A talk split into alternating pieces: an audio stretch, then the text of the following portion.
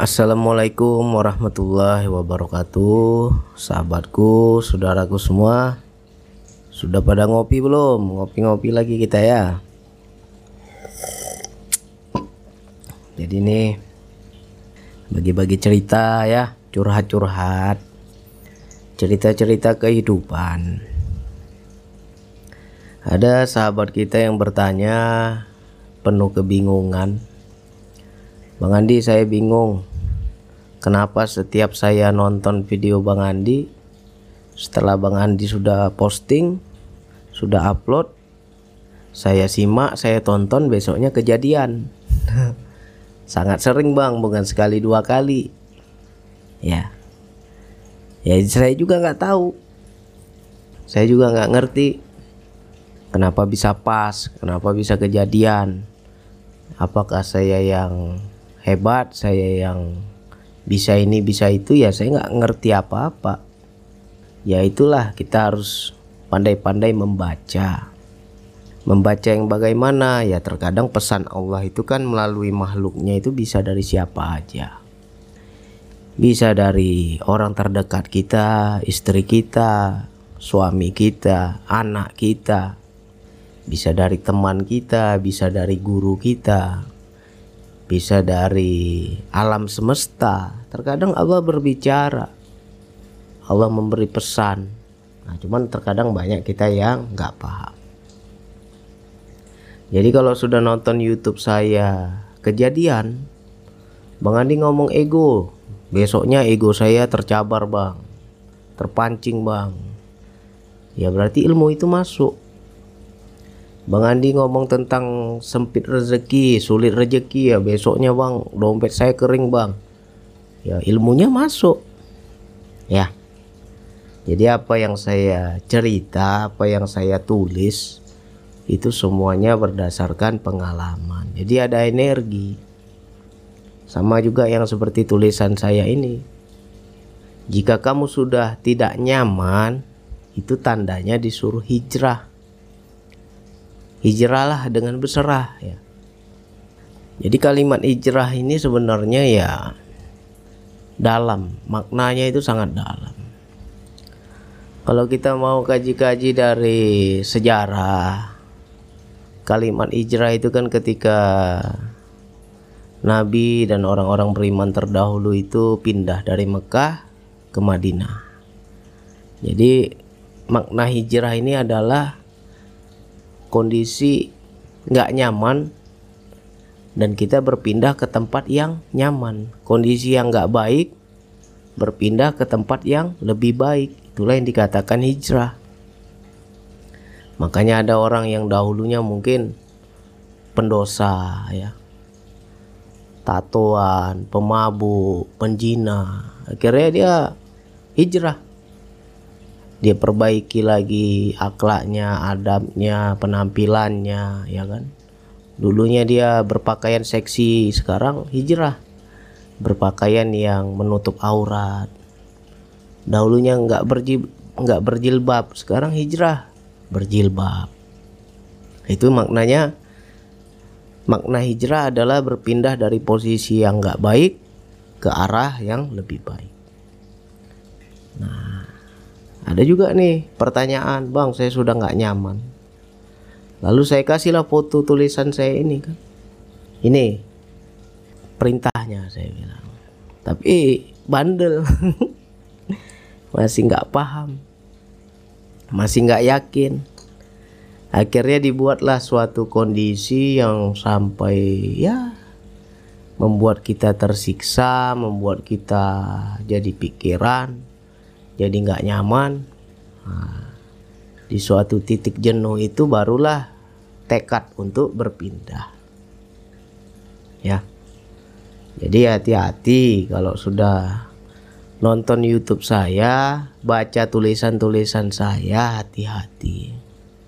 Hati-hati bagaimana bang? Ya kalau seandainya kejadian ya berarti ilmu itu masuk. Cuman banyak yang kaget Kenapa ya bang? Hari ini nonton lusa kejadian? Ya itulah bagi orang yang mau belajar tuh biasanya masuk dia. Biasanya ya saya juga nggak ngerti kan. misalkan saya buat konten tentang YouTube tentang ego. Hari ini apa ya Allah? Aku mau bahas tentang apa? Aku harus cerita tentang apa? Ya ada dorongan buat tentang ego. Ya udah saya jelaskan. Besoknya kejadian ya semua sudah afalnya dia ya kan sudah perbuat perbuatannya dia jadi bagi teman-teman yang betul-betul belajar, jangan kaget kalau kejadian, ya. Harus membaca, harus peka, harus paham perintah. Jadi apa pun yang kita alami dalam hidup, ya kita harus bisa membaca. Nyaman nggak? Itu aja. Kalau kita mendapati suatu kondisi yang nggak nyaman, itu pertanda disuruh hijrah. Itu pertanda disuruh pindah pindah kondisi, pindah keadaan. Ya memang kalau hanya tulisan aja nggak dijelasin, nggak dikupas, mungkin banyak juga yang bingung ya. Karena belum tentu frekuensinya sampai. Jadi saya coba jelaskan dengan contoh-contoh kehidupan. Contohnya teman-teman kerja di suatu tempat kerja lah, suatu perusahaan jadi di tempat kerja kita itu ada satu kondisi yang membuat kita nggak nyaman. Bisa jadi sesama karyawan, sesama teman kerja, bisa jadi dengan atasan. Saya nggak nyaman bang, saya tiap hari dimarahin bang, saya setiap hari dimusuhi bang. Suasana kerja sudah nggak nyaman. Akhirnya apa? Kalau dipertahankan kita akan tersiksa terus. Jadi langkah yang terbaik adalah ya pindah tempat kerja, jangan lagi di situ. Ya. Kita harus berani pindah. Ah, kalau aku pindah, Bang, kalau aku resign, kalau aku berhenti, anak istriku makan apa, Bang? Enggak ah, usah pikirkan itu. Yang penting kita hijrah dulu. Ya, sama juga seperti ketika Rasulullah diperangi dulu. Diperangi, dimusuhi, hendak dibunuh, ya Islam nggak bisa berkembang kalau nggak pindah. Akhirnya ya Rasulullah mengajak kaumnya pindah ke Madinah. Di situ Allah bilang sesungguhnya bumi Allah itu sangat luas. Rezeki Allah sangat luas. Ya jadi kita harus yakin kalau kita pindah tempat kerja ya kita harus yakin ada pintu rezeki yang lain pintu itu nggak satu ya Jangan sampai kita membatasi kuasa Allah. Aku bekerja di sini bang. Kalau aku keluar, aku nggak makan bang. Mati aku bang. Kelaparan aku bang. Itu namanya orang yang tidak meyakini bumi Allah luas. Harus yakin. Banyak pintu yang lain. Ya. Itu satu di kondisi kerja. Nah, satu lagi kondisi ini mungkin banyak yang terjadi bagi teman-teman, saudaraku, sahabatku yang mulai menapaki jalan ketuhanan dikikis oleh Allah tentang rezeki. Ya, saya dahulu merasakan hal itu. Dua tahun nih yang paling parah itu dua tahun. Jadi kalau dihitung-hitung lima tahun lah hancurnya tiga tahun terakhir itu udah agak enak. Dua tahun pertama yang sakit itu. Dibuatlah satu kondisi ditutup semua pintu rezeki. Saya nggak punya kerja saya nggak punya penghasilan. Saya banyak utang ya. Sampai saya hutang ke rentenir. Ya pernah juga dulu terjebak sekali itu. Bukan saya berutang hendak bermewah-mewahan tapi karena keadaan. Karena saya nggak bisa bayar cicilan rumah dulu akhirnya saya berutang akhirnya sudah kita sempit rezeki dikejar-kejar hutang istri tiap hari merepet istri tiap hari ngomel itu kan nggak nyaman. Iya kan? Posisi itu kan nggak nyaman itu. Bang istri saya ngomel tiap hari bang. Asik dua duit dua duit aja bang. Saya nggak punya duit nah ketika kamu merasa nggak nyaman pertanda kamu disuruh hijrah. Jadi jangan lihat makhluk. Saya dulu gitu.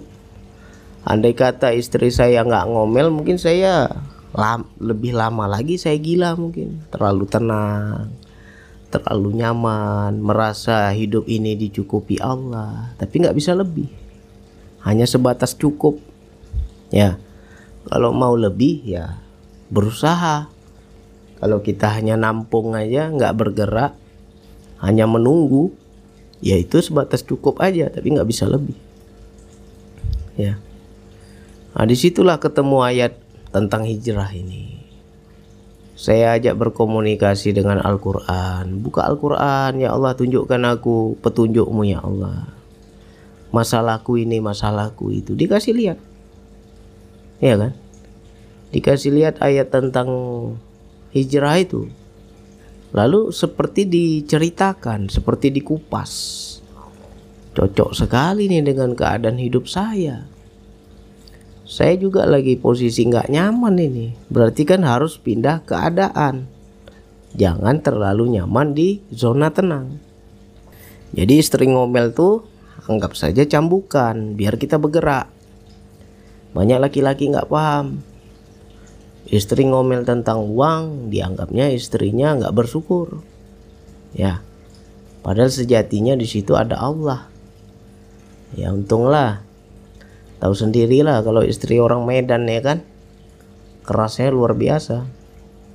Tiap hari saya dimaki, saya dicaci, saya direndahkan. Saya dimarahi. Woi, luar, luar biasa itu. Awal-awalnya saya menganggap ya, aku sudah tenang. Kamu mau ngomel seperti apa pun aku tenang. Ya, istilahnya ya kepala batu kita. Sudah kepala batu, hatinya pun batu. Ya namanya orang gila ya kan? Orang gila kan kayak gitu. Diejek dihina dimarahin mana mana mengerti orang gila. Paling senyum aja dia. Saya juga merasakan kondisi itu. Akhirnya saya baca ini berarti aku harus hijrah harus pindah harus ibarat kata gimana ya? Jangan terlalu tenang di sini. Akhirnya di situlah saya muncul suatu karya ya. Di saat saya menganggur di saat saya nggak ngapa-ngapain ya saya berusaha.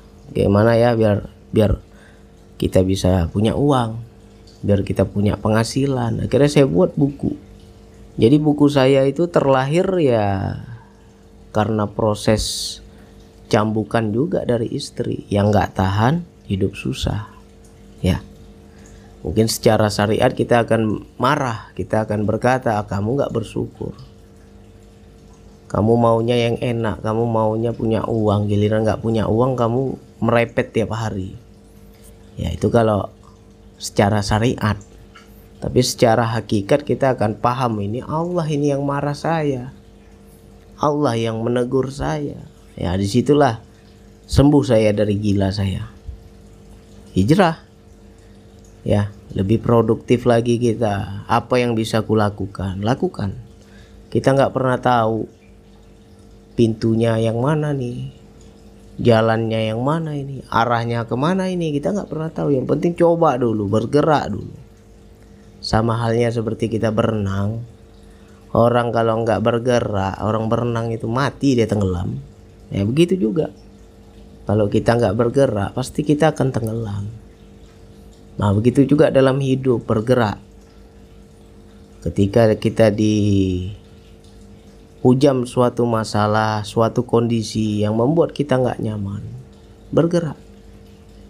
Ya, banyak dalam hidup ini kalau kita mau kasih contoh-contoh tentang hijrah. Kenapa banyak terjadi KDRT ya?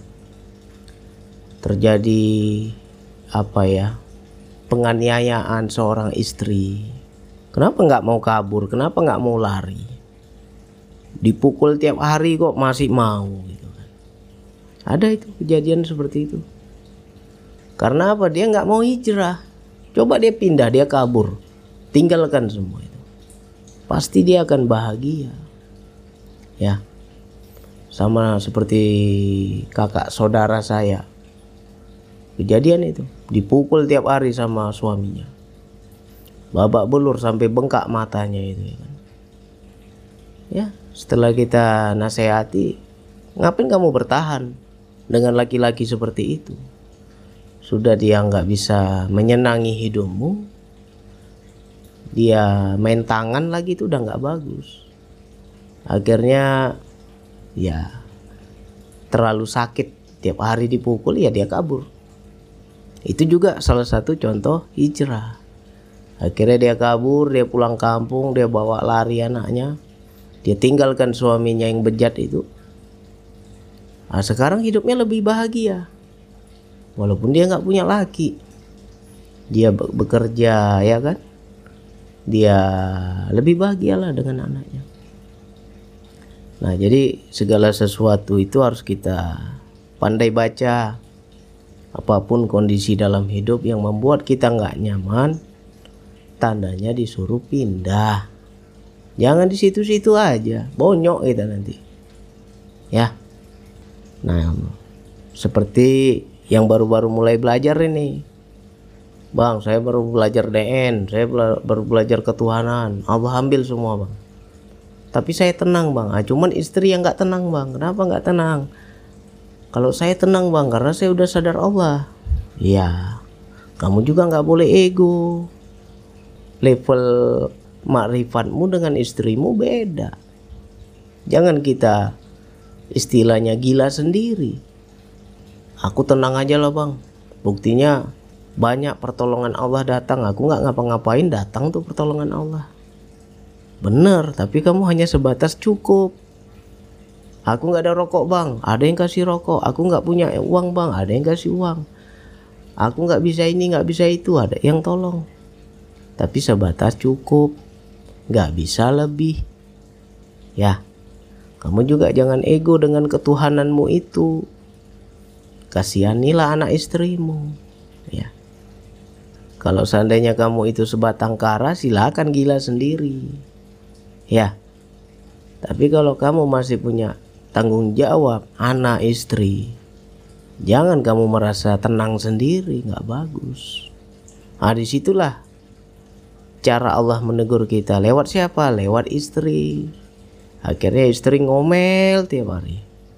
Merepet tiap hari. Ya. Cerewet tiap hari. Ya. Kamu harus bisa baca itu. Nah, ada saatnya kita tenang, ada saatnya kita terpancing. Ada saatnya kita jadi muak sama istri kita. Ada. Di situlah tipu daya setan masuk macam-macam lah kita dibisikin itu timbul rasa amarah rasa benci rasa nggak terima kepada istri saya juga udah rasakan dulu makanya ini saya ceritain nah ketika di situ saya melihat kok ini nggak habis-habis ini. Ujian Allah ini kok nggak habis-habis? Bagaimana caranya? Sampai kapan ini? Seperti ini terus. Akhirnya itulah dipertemukan dengan ayat tentang hijrah tadi. Kamu harus pindah. Dari kondisi yang gak nyaman, pindahlah ke kondisi yang lebih nyaman. Yang merepet itu bukan istrimu, bukan binimu, itu aku kata Allah. Biar apa? Biar kamu berpikir. Biar kamu sadar. Ya. Jadi nggak boleh ya kita antara dunia dan akhirat itu berat sebelah nggak boleh kita ini masih injak tanah kita ini masih butuh tanah ya jadi jalankan perintahnya. Baca perintahnya. Apa pun bentuk kondisi kita kalau sudah nggak nyaman udah pindah. Sama halnya misalkan kita bertetangga nggak bagus. Setiap hari kita bertangga bertetangga iri-irian. Berantem sama tetangga sendiri nggak nyaman. Saling hujat saling dengki.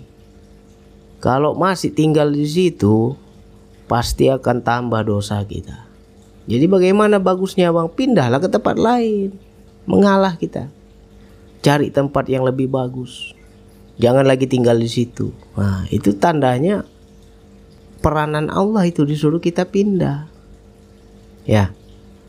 Cari tempat lain. Banyak tempat. Bumi Allah ini luas. Macam mana bang nanti bang usaha saya, dagangan saya, toko saya. Saya sudah bertahun-tahun di situ.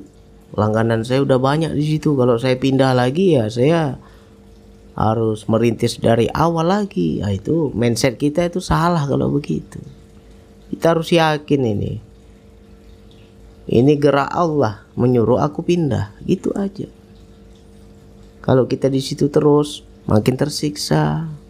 Lihat tetangga muak lihat tetangga sakit hati. Lihat lagi tetangga dendam macam-macam berarti kalau kita sudah nggak nyaman tandanya pindah.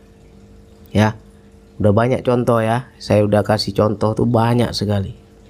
Dalam kehidupan sering terjadi. Jadi apa pun bentuk kondisi yang membuat kita nggak nyaman pindah. Harus berani mengambil keputusan. Ya harus yakin bahwa ketika aku pindah hidupku lebih baik. Berserah kan kita nggak pernah tahu kan? Kalau aku pindah ke depannya apakah makin lebih bagus ataukah semakin lebih hancur lebih buruk? Kita kan nggak pernah tahu. Tapi kita harus yakin dengan berserah. Aku yakin ya Allah ini perintahmu ini petunjukmu. Engkaulah yang membuat aku nggak nyaman. Ini perintahmu. Tandanya apa? Disuruh pindah nah, ketika aku ikuti perintahmu ya Allah aku yakin hidupku akan lebih baik. Engkau akan menjaga aku ya Allah. Pindah kita. Insya Allah hidup lebih bahagia ya. Baik di tempat kerja baik dalam rumah tangga apalagi baik kita itu uh, dalam bertetangga bersosial ya. Banyak macam lah banyak faktor saya nggak semangat lagi kerja bang. Kenapa nggak semangat kerja? Uh, bos saya terlalu zolim bang. Saya nggak cocok begini begitu. Ya sudah perintah. Perintahnya baca. Bisa jadi Allah membuat kamu hijrah biar kamu buka usaha sendiri.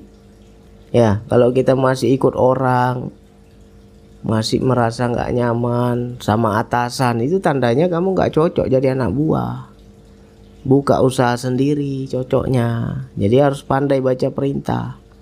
Saya kerja di sini nggak cocok bang. Kerja di sana nggak cocok bang. Kerja di sini berkelahi bang. Kerja di sana berkelahi bang. Itu tandanya kamu nggak bisa diatur. Tetapi kamu diciptakan Allah untuk mengatur. Ya. Harus paham kita. Makanya banyak orang yang nggak paham. Nah, buka usaha apa? Kecil-kecilan. Pindah kita dari kondisi itu. Pasti hidup kita lebih baik nanti. Jangan kita takut bergerak ya. Takut bergerak dalam arti kata nanti kalau aku pindah bagaimana ke depannya bang jauh-jauh hari kita berpikir jauh kali kita pikir ya nanti begini nanti begitu nanti begini nanti begitu yang pertama yakin dulu pada perintah. Aku dibuat nggak nyaman ini pertanda Allah menyuruh aku pindah. Paham kita perintahnya kan? Oke, bergerak kita. Nah, ketika kita bergerak, kembalikan kepada Allah, berserah kepada Allah. Ya Allah, aku sudah paham perintahmu. Sekarang aku ikuti perintahmu. Masa sih ketika aku mengikuti perintahmu aku nggak bahagia? Aku yakin ya Allah. Di depan sana aku akan lebih bahagia. Ya, prasangka baik sama Allah. Berserah, bergantung kepada Allah. Insya Allah berkah hidup kita. Begitu kita pindah ya kehidupan kita lebih baik. Ya. Jadi semua yang sudah saya cerita itu saya sudah mengalami. Makanya saya dulu ya jujur aja saya juga sering berantem dulu ya ini sebelum kenal DN lah sebelum kenal nafsu ego nggak ngerti saya dulu kan. Kerja di sini berkelahi kerja di sana berkelahi ya sama kapten saya lawan itu saya maki-maki itu. Kalau di mata saya udah nggak bener nggak beres kalau kaptennya sudah zolim saya lawan. Nggak cocok saya kan akhirnya dipecat saya. Pindah lagi perusahaan lain pindah kapal lain. Ketemu lagi kapten yang zolim ya.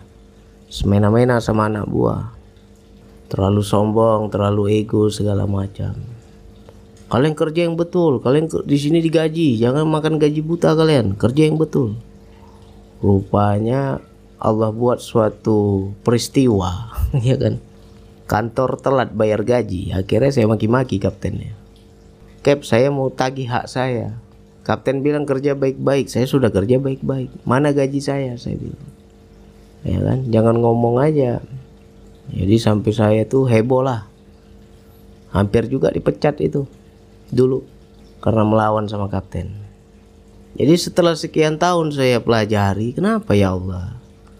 Kok aku nggak pernah cocok kerja sama orang? Ke sini nggak cocok, sana nggak cocok. Apa yang salah? Ya kan? Nah, di situlah saya jadi paham bahwa memang nggak bisa diatur, ya kan? Nah, setelah saya udah nggak di kapal lagi, nggak ikut orang lagi, ya sekarang ya ibarat kata ya kita bebas ya merdeka kita. Ya saya jualan buku berdagang apalagi buat konten YouTube. Ya hidup ini lebih bahagia dibanding dulu. Ya kan merdeka kita nggak ada yang ngatur nah jadi kita di situlah makanya saya tulis itu di saat saya resign ya Ketika kamu sudah nggak nyaman, melangkahlah dengan berhijrah. Itu di saat kondisi saya nggak nyaman sama atasan. Akhirnya saya resign, mengundurkan diri. Nah sekarang kejadian sama teman-teman, bang, saya udah baca tulisan bang Andi kok kena sama saya bang. Ya karena saya menulisnya itu ada peristiwanya, bukan sembarang nulis.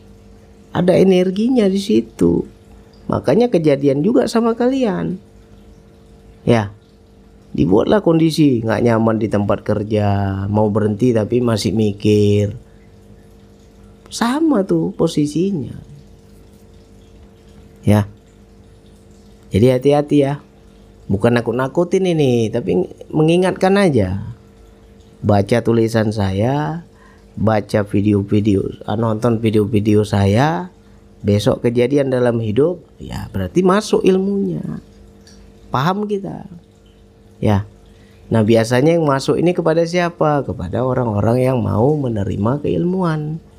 Kalau dia hanya sekedar nonton aja nggak ada sambung hati nggak mau menerima keilmuan ya nggak masuk tapi yang betul-betul selama ini ada adab bergurunya ada adab belajarnya pasti akan kena itu ya Makanya begitu kalian kena, kalian cerita ke saya, saya senyum aja, ketawa aja. Oh, saya udah duluan.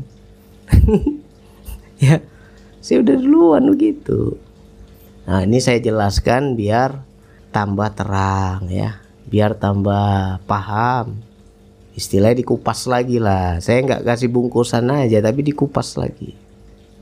Nah, jadi apa pun bentuk ketidaknyamanan kita di dalam hidup, tandanya pindah hijrah ya Insya Allah kita akan dapat kebahagiaan yang lebih lagi mudah-mudahan teman-teman paham dan wilayah ini memang agak ekstrim jadi jangan sampai kita hanya sekedar aku hanya tahu tahu dari mana? Dari YouTube Bang Andi. Ya itu belum belum paham namanya. Sekedar tahu tahu dan paham beda ya. Tahu itu masih pengetahuan kalau paham itu sudah ilmu. Jadi setelah mengalami dalam hidup barulah dapat ilmu baru barulah dapat paham ya. Jadi ini diulang-ulang lagi nih. Kalau kena di kehidupannya ya mudah-mudahan bisa bisa tambah yakin ya untuk bergerak pindahlah kita jangan di situ-situ aja Oke hanya itu yang bisa saya sampaikan. Wassalamualaikum warahmatullahi wabarakatuh.